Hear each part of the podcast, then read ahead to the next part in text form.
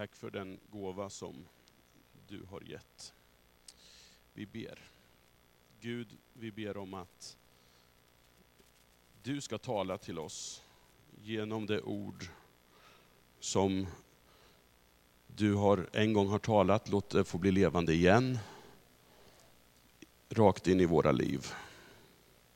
Amen. Under eh, den senaste månaden här i församlingen så har vi levt lite grann i det som är vår visionsformulering.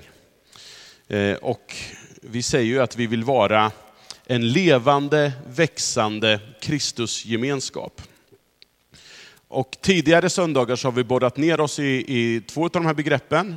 För tre veckor sedan så tittade vi på vad innebär att vara en levande. Och för, för förra gången så tittade vi på vad innebär det att vara växande. Och idag så ska vi titta lite grann på det här med Kristusgemenskap. I de tidigare gångerna då vi har tittat på det här så har vi tagit hjälp av apostlarna Petrus och Paulus. Och idag så ska vi komplettera den här skaran med en tredje apostel som har bidragit med texter i Nya Testamentet, nämligen Johannes. Och vi ska gå till första Johannesbrevet kapitel 1, vers 1 till 7.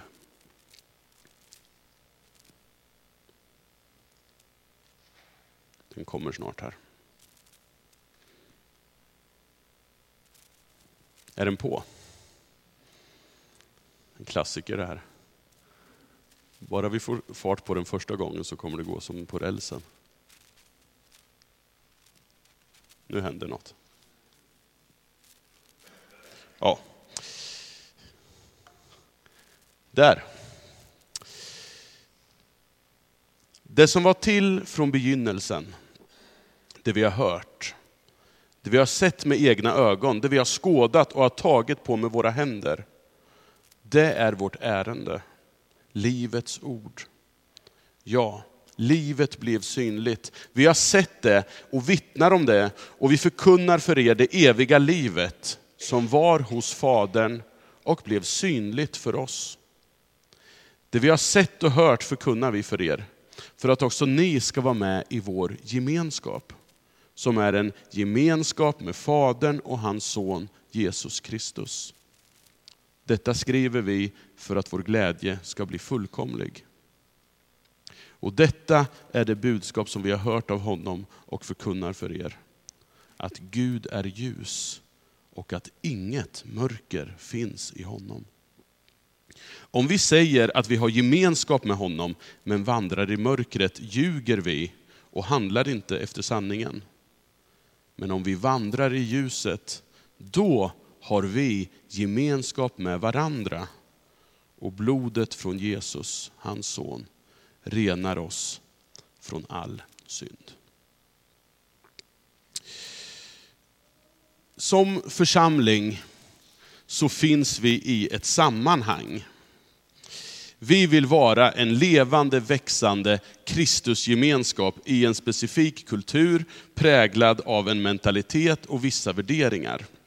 Och då kan man fråga sig, vad präglar det Sverige där vi säger att vi vill vara allt det där som vi vill vara? Och när jag funderar på det så återkommer jag gång på gång, och det har jag gjort även i våra sammanhang här, till en dokumentärfilm som kom för tre år sedan, tror jag det var, 2016, som heter A Swedish Theory of Love. En svensk teori om kärlek. Som ger bilden av svenska folket som det mest ensamma folket i världen. Och dokumentären eh, eh liksom spårar det här fenomenet om den svenska ensamheten, bland annat till politiska reformer, välmenande politiska reformer från tidigt 70-tal och framåt, som syftade till att lösa människor från att vara beroende av varandra. Inte minst så var det så att många kvinnor satt fast i destruktiva relationer på grund av att man var ekonomiskt beroende av en man. Och det här ville man då från politiskt håll, det här måste vi ändra på. Och så tänkte man sig att relationer ska, i den bästa av världar, inte baseras på praktiska saker och beroenden, utan enbart på frivillighet och kärlek. Staten skulle, skulle alltså se till att frigöra individen från all form av beroende från andra människor. Och tillförsäkra människor tillräcklig materiell standard för att kunna leva helt ensam om det är en människas eget val. Beroendet blir här att, liksom en fiende till sann kärlek. Sann kärlek kan bara levas ut i relationer där man inte har någon som helst beroende av varandra. Sverige är världens ensammaste land. Och vi ser också i den här klassiska World Value Survey, som har, har liksom tittat på olika värderingar då, eh, runt om i världen, så ser vi att Sverige är en extrem. Det är inte landet lagom, utan en extrem. Den här har, har många av er tror jag sett förut, där man då har tittat på eh, värderingar utifrån om man är sek sekulär, traditionell, överlevnad, självförverkligande. Och då ser vi hur, hur länderna liksom grupperar ihop sig i en, i en gröt i mitten, typ, om man ska hårdra det. Och sen så är Sverige längst upp till höger, ish. Sverige är extremt. Man är extremt sekulära och man är extremt självförverkligande i sitt sätt att se på livet. Och idag ser vi också att 5% av alla begravningar idag är direktare. Direktare var ett, ett nytt ord som, som kom in i Svenska Akademins ordlista 2017. Och en direktare, det är när en begravning sker utan någon ceremoni. Alltså där det inte finns människor som tar hand om den som då har avlidit. Vi har också fenomen där människor hittas månader efter att de har dött. Ingen har saknat dem, men det börjar lukta i en trappuppgång. Man går in och tittar och så är personen avliden sedan länge. Autogiro fixar det här med pensionsbetalningar så att ingen märker att någon är borta. Om man är ensam. Och idag så talas det om ensamhet som ett av de stora samhällsproblemen i Sverige. Aftonbladets ledarsida på Luciadagen i fjol, här, 13 december, så föreslog ledarsidan på Aftonbladet att Sverige bör införa en ensamhetsminister för att kunna ta itu med de stora, det här stora samhällsproblemet som ensamheten utgör. Under vintern här så har jag läst om en, en sån här kristen klassiker, C.S. Lewis bok Den stora skilsmässan. Och där är det så att han i skönlitterär form beskriver livet efter döden. Där berättelsens jag eh, kommer till den här tillvaron efter döden och gör en resa i en flygande buss. Jag vet inte hur det går till, men en dröm. Så, så, så han flyger i en buss mellan de här olika alternativen, då, himmel och helvete. Och så beskriv, beskriver han då helvetet eh, som en stor gigantisk stad utan mellanmänskliga beroenden. För det är så här att i den här stora staden så räcker det för de som bor där att tänka det man behöver och så får man det. Eh, och så här beskriv, beskrivs då en dialog som han har då med sin medpassagerare, detta jag. Det tycks vara en enorm stad, anmärkte jag. Och jag kan inte begripa det. De delar av den som jag ser är så folktomma. Har den en gång i tiden haft en mycket större befolkning? Inte alls, sa min granne. Svårigheten är att de är så grälsjuka. Så snart någon anländer hyr han en lägenhet vid någon gata. Innan han bott där i 24 timmar har han råkat i gräl med sin granne. Innan första veckan gått har grälet tagit en sådan vändning att han beslutat sig för att flytta. Det är mycket troligt att han finner nästa gata tom för att allt folket där har grälat med sina grannar och flyttat. Om så är fallet flyttar han in där. Skulle gatan tillfälligtvis vara befolkad fortsätter han vidare. Men även om han stannar gör det ingen skillnad. Han kommer säkert snart att dras in i ett nytt gräl och då flyttar han igen. Till slut flyttar han ända ut i stadens utkant och bygger sig ett nytt hus. Det går lätt här förstår du. Man behöver bara tänka sig ett hus och strax är det där. Det är på så sätt staden fortsätter att växa. En tillvaro där det verkligen är möjligt att relationer enbart bygger på frivillighet, som det samhälle som vårt på många sätt är, blir i C.S. Lewis skildring synonymt med helvetet. Jag tror att en sån som Johannes, som skrev den här texten som vi läste tidigare, skulle hålla med om det. Ingenstans nämns ordet gemenskap så mycket som i den här texten i Nya Testamentet. För Johannes så är det här med gemenskap, det är inte en, något valbart tillägg till livet som kristen. För honom är gemenskap universums grund. Eftersom Gud själv är gemenskap.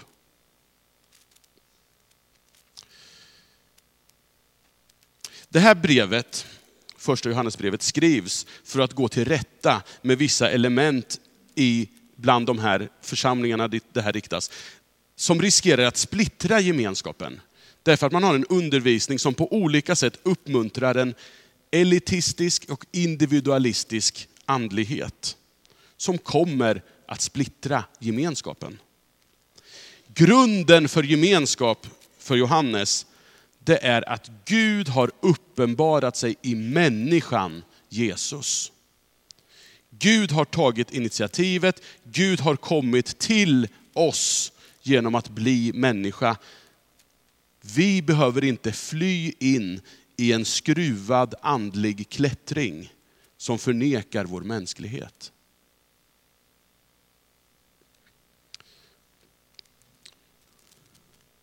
Gemenskap, Guds väsen. I det att livet blev synligt, som han skriver här, i Jesus, så avslöjas vem Gud är. Gud är inte bara möjlig att ha gemenskap med, alltså som att liksom Gud är en person som vi har möjlighet att ha gemenskap med, utan Gud är i sig själv en gemenskap mellan Fadern och Sonen. Vår gemenskap, skriver Johannes, är en gemenskap med Fadern och Sonen Jesus Kristus.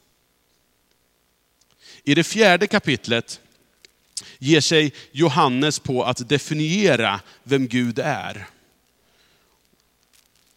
Och då, och då landar han i, som vi läste i inledningsordet också, att Gud är kärlek.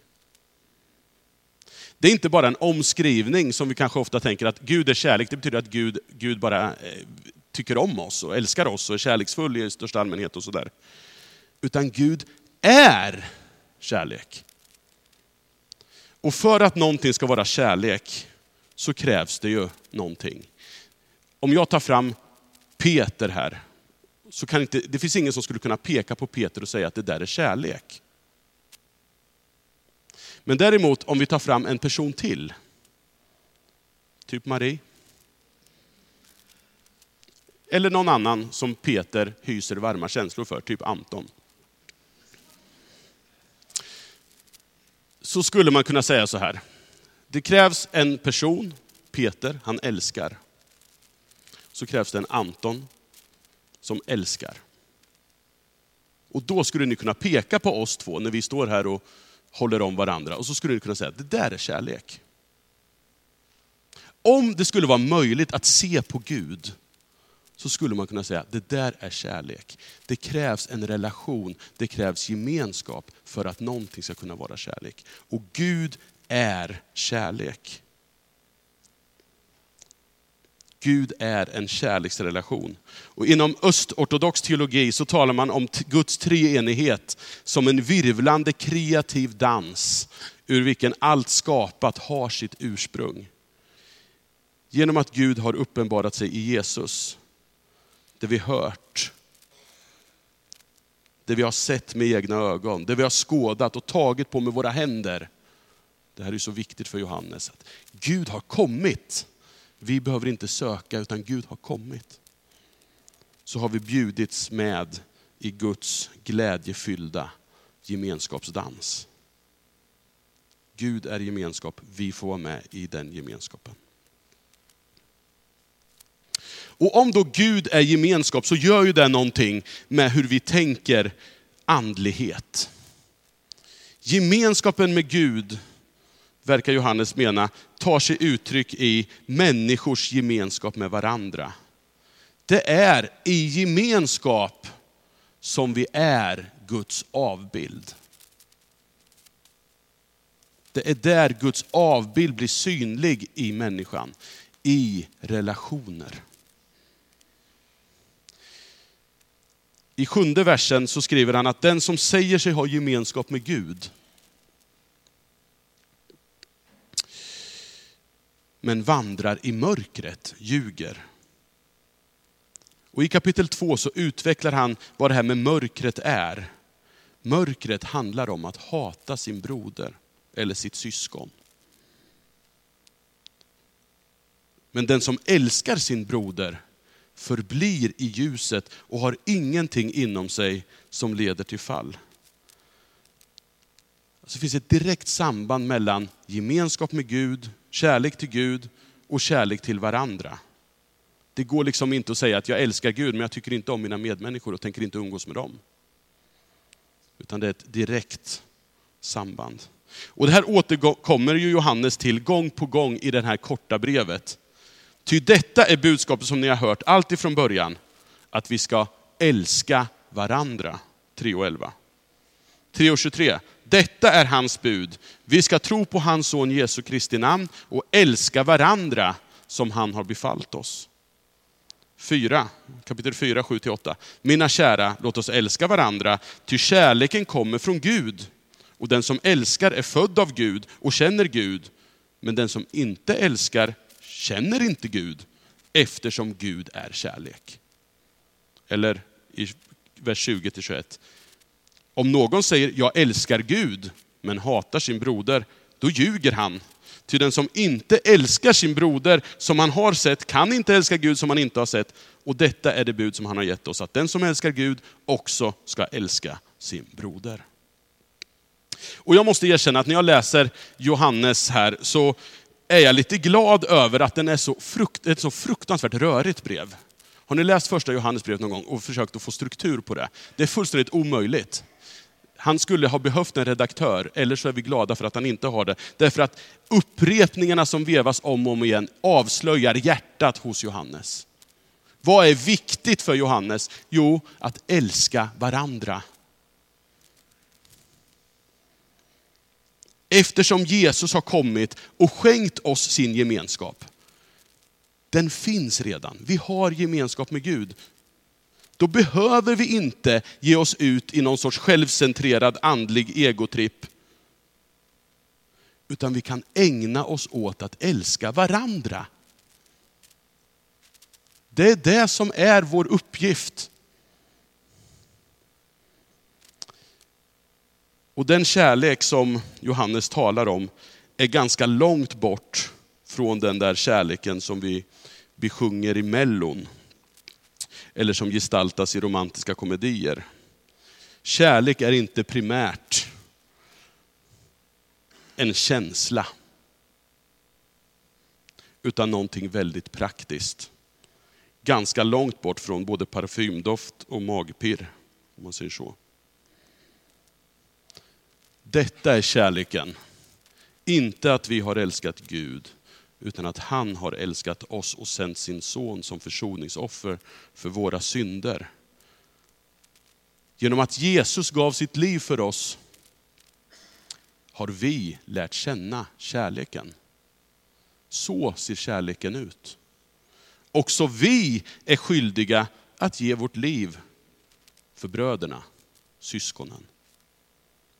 Om någon som har vad han behöver här i världen ser sin broder lida nöd, men stänger sitt hjärta för honom, hur kan då Guds kärlek förbli i honom?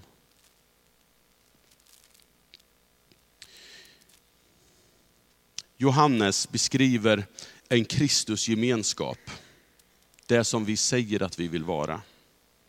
Och som jag tror att vi på väldigt många sätt är en gemenskap som präglas av samma kärlek som Kristus. Genom gemenskapens sätt att älska varandra, verkar Johannes mena, så blir Guds kärlek känd i världen. Och så blir det också känt hur vi människor är skapade till att leva som Guds avbild. Greg Boyd, en amerikansk teolog, han skriver så här. Många studier visar att personlig lycka är närmare relaterat till djupet i ens relationer än till bekvämligheter som vi kan åtnjuta. Och detta är exakt vad vi kunde vänta oss då vi är skapade till den Guds avbild vars själva natur är gemenskap. Det är mot vår natur att vara isolerade. Det gör oss eländiga, avhumaniserar oss och slutligen förgör det oss.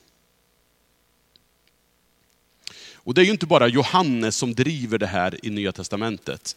Jag tror att han har mycket av Jesus med sig i det här. Och även Paulus, i sina brev, så beskriver han gemenskapen som oerhört central. Genom ett nytt sätt att relatera till varandra så är den kristna gemenskapen, de döptas gemenskap, en politik som förändrar världen. Genom sitt sätt att vara just gemenskap mitt i den här världen. Det är inte fråga om en sorts bildlig, andlig verklighet. Jo, men vi är ju ett i Kristus och sådär. Ja, vi är ett i Kristus. Det är en synlig, social, praktisk verklighet mitt i världen. I dopet bejakas nämligen på riktigt en ny ordning som möjliggör kärlek och gemenskap mellan människor som aldrig annars skulle mötas. Och det här tar sig ju sitt tydligaste uttryck hos Paulus i Galaterbrevet 3, när han säger, är ni döpta till Kristus har ni också iklätt er Kristus. Alla Paulus brev i stort sett skrivs ju till konfliktsituationer där man inte kan hålla sams därför att man grupperar sig. Och han måste återkomma till det här. Ni är, ni, det, är en, det är en ny verklighet nu. Sluta bedöma varandra efter hur ni ser ut, vilken religiös ryggsäck ni har eller så. Nu är det en, en ny mänsklighet. Nu är ingen längre jude eller grek, slav eller fri, man eller kvinna. Alla är ni ett i Kristus Jesus. Så när vi säger att vi vill vara en Kristusgemenskap, då innebär det helt enkelt att vi vill vara kristna. Det finns inget annat sätt att vara kristen på, utifrån Nya Testamentet att se, än att söka gemenskap. Och i den gemenskapen växa i kärlek till varandra.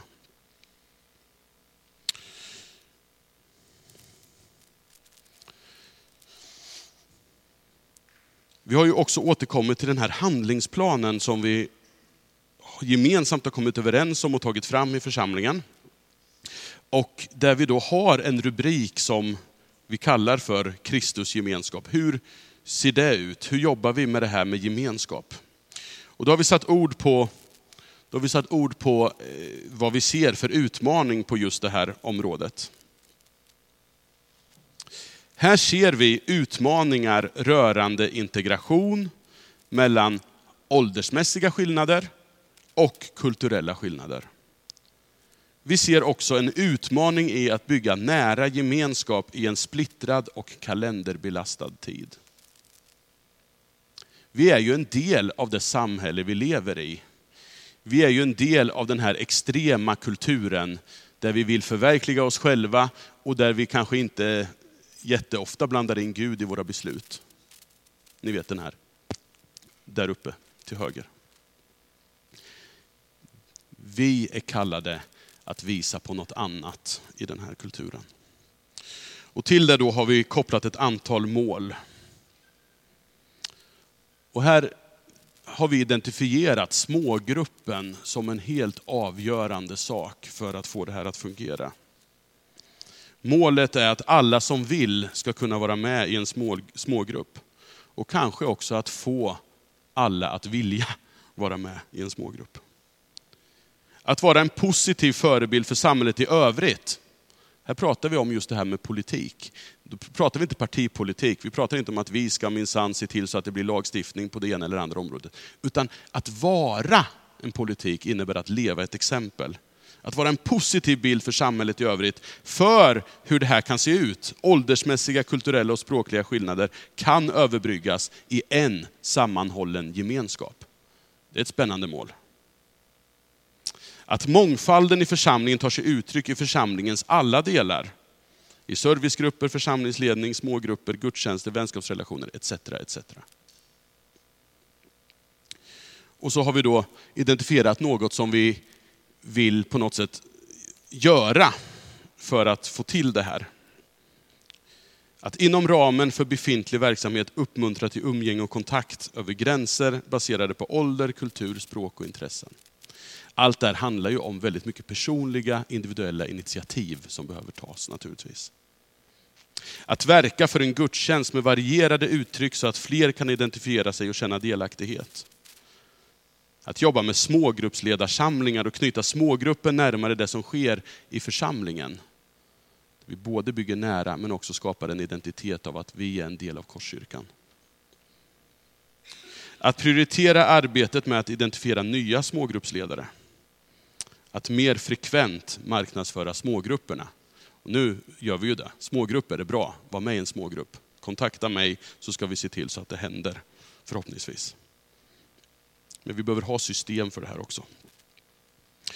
Om detta med gemenskap berör hur vi är Guds avbild och hur Guds rike tar sig uttryck i vår värld, så är ju det här inte, ja det här kan ju vara bra, det här är, utan det här är viktigt, det här är avgörande.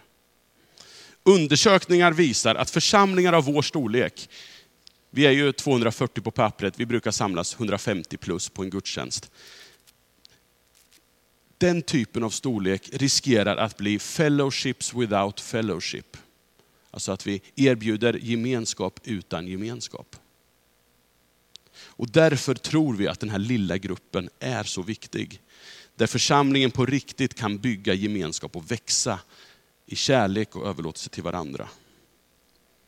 Som det ser ut idag så har vi 12 grupper som möts med lite olika frekvens. Och på senaste tiden, det här är jättespännande, så finns det ett par av de här grupperna som har tänkt, vi ska tänka integration. Så man har försökt att mixa människor från olika kulturella bakgrunder. Och jag tror att vi behöver fortsätta med det här. Vi behöver ta nya grepp på det här området inför framtiden. Och jag tror att vi behöver ha en tydligare gemensam idé och vision för hur de här smågrupperna ska kunna vara en plats för lärjungaskap och växande i kärlek, men också för mission. Hur kan de här smågrupperna vara missionerande? Och jag tror att den här eventuella flytten som vi snart står inför, skulle kunna vara ett tillfälle då församlingen på ett mer genomgripande sätt också vågar utvärdera och ompröva saker som vi finns i. Det är ju världens möjlighet att faktiskt tänka att nu, nu, nu ska vi jobba så här. Det kan finnas möjligheter att ändra mer än bara var man är. Och att det som faktiskt, det som glöder i församlingen, att det ska få mer syre så att det brinner ännu mer. Det är ju så här att efter fikat sen, som kommer om en stund, eh, så är du som är intresserad av vad som händer i församlingen och framtiden och så, välkommen in hit igen, för då kommer vi ha ett församlingsmöte och, och prata om lite framtidsfrågor och så. Och då kommer vi också att samtala lite grann kring det här med gemenskap. Och eh, därför har, har jag gjort i ordning några samtalsfrågor som ni kommer få då. På vilket sätt utmanar Korskyrkans gemenskap individualisering och splittring? På vilket sätt sker det idag? Finns det en risk att vi anammar tidsandans värderingar om frihet och oberoende framför det här med gemenskap och ett ömsesidigt beroende av varandra? Är du med i en smågrupp? Varför? Varför inte? Anser du att arbetet med smågrupperna skulle vara mer uppstyrt med gemensamt innehåll och struktur? Finns det andra sätt att konkret fördjupa gemenskapen i församlingen än det som vi läste här i handlingsplanen? Det skulle vara jätteintressant att höra om det finns andra tankar kring hur kan vi jobba för att bygga gemenskap. Så det blir ett samtal sen. Vi är gemenskap därför att Gud är gemenskap. Låt oss fortsätta söka det, att vara Guds avbild i världen. Vi ber. Tack Gud för att du är kärlek. Tack för att du har bjudit in oss i den eviga gemenskap som är mellan Fader och Son av evighet. Genom din heliga Ande så får vi dras in i den. Och som vi sjöng i den här salmen så sjöng vi, det finns inga ord för glädjen som Andens gemenskap ger. En försmak det är av himlen där aldrig vi skiljas mer. Som bröder och systrar i Herren vi möts för en liten tid och vi räcker varandra handen och önskar varandra frid. Gud, låt det få vara någonting som präglar Korskyrkan. Tack för alla de som har mött detta i vår gemenskap. Men vi ber om mer. I Jesu namn. Amen.